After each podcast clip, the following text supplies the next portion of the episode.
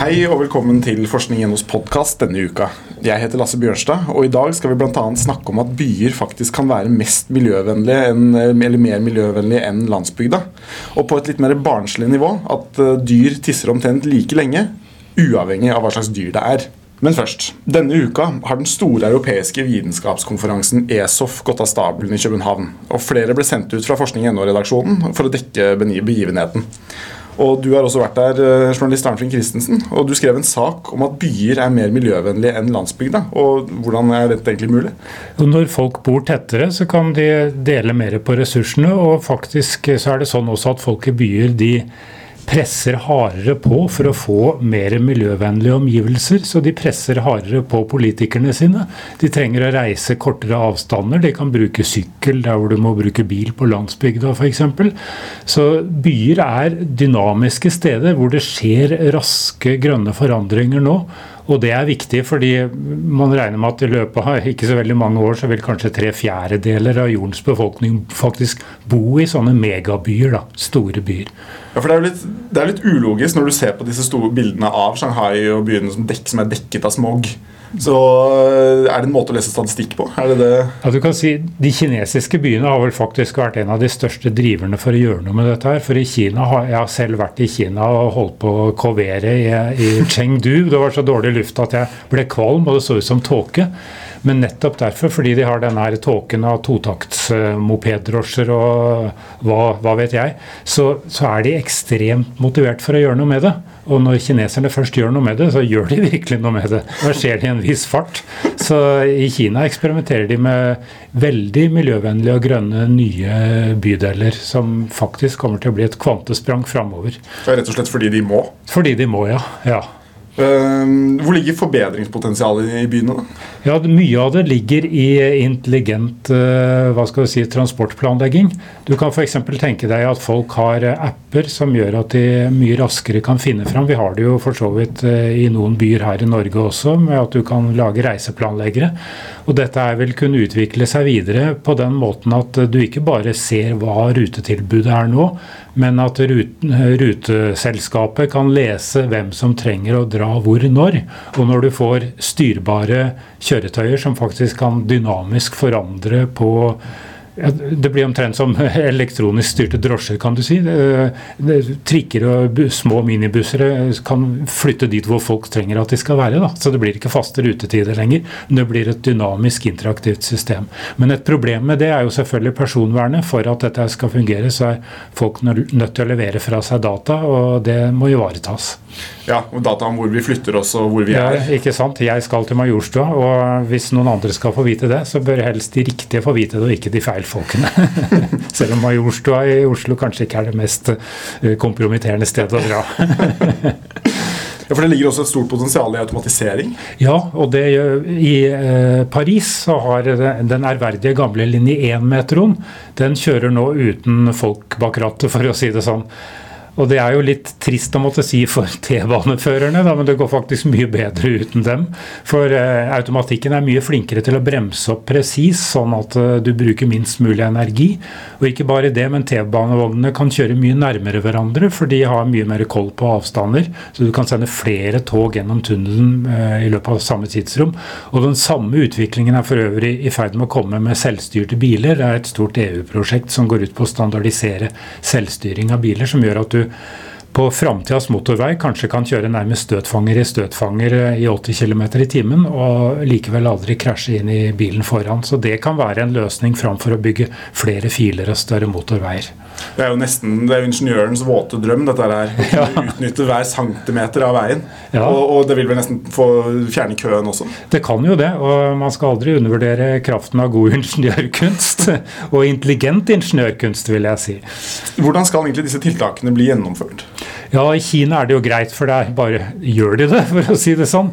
I vår eh, del av verden hvor vi er belemret med dette forbaskes demokratiet, da, så må man jo ha befolkningen med seg.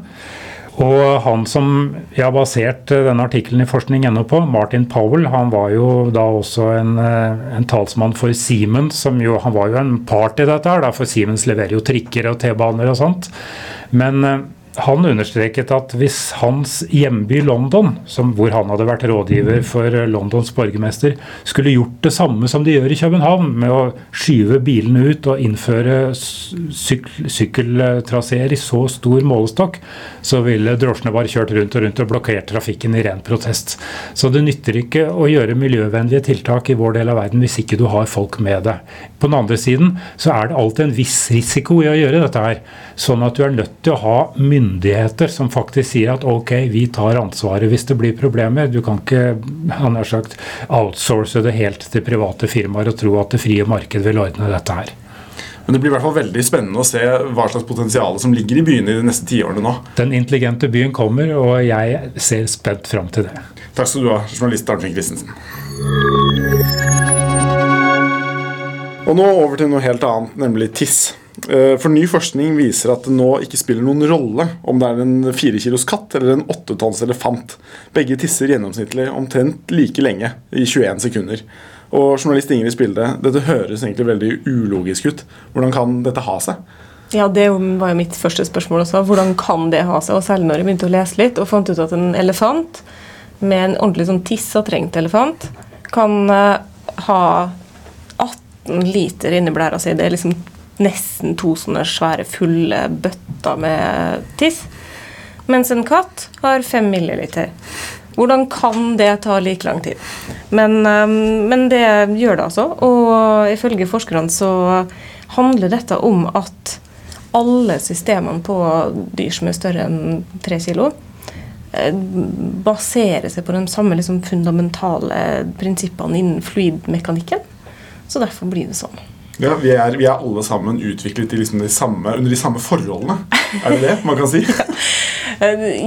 ja, jeg lurer kanskje på om det er rett og slett Altså, altså fysikken og uh, mekanikken i liksom blære, urinrør, gravitasjon, alt sammen, gjør at dette her er Det blir på en måte en sånn, et sånn konstant system. Så hvor de har faktisk utvikla en matematisk universalmodell som, uh, som beskriver tissing hos større dyr. Mm. Det er jo egentlig ganske fascinerende, for det sier også noe om at vi er alle sammen i vi er jo alle sammen slags, ikke ofre, men vi er, vi er resultater av de samme naturlovene. Rett og slett eh, den samme fysikken.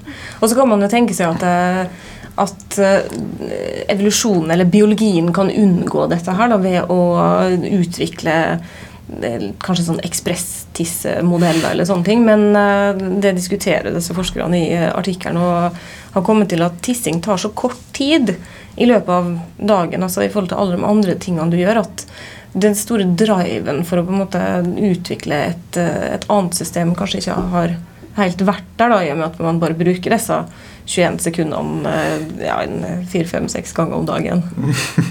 Eh, jeg må spørre, Hvordan er egentlig denne forskningen gjort? Ja, Det er også et ganske interessant spørsmål. Det, de har eh, rett og slett tatt opp eh, video av eh, 16 forskjellige dyr.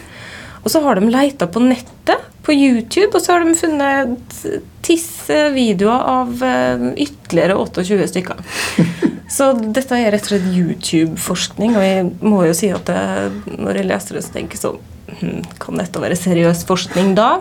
Men det er altså publisert i et uh, meget velredomert velrenommert uh, vitenskapelig tidsskrift, så vi får stole på at de har, også har vurdert YouTube-modellen og funnet at den er grei.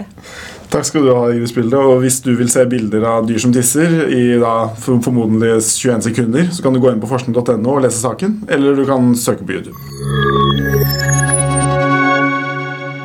Det var alt vi hadde i denne uken, og du kan bare gå inn på sidene våre for å lese mange andre forskningsnyheter fra nært og fjernt. Jeg heter Lasse Bjørnstad, og takk for nå.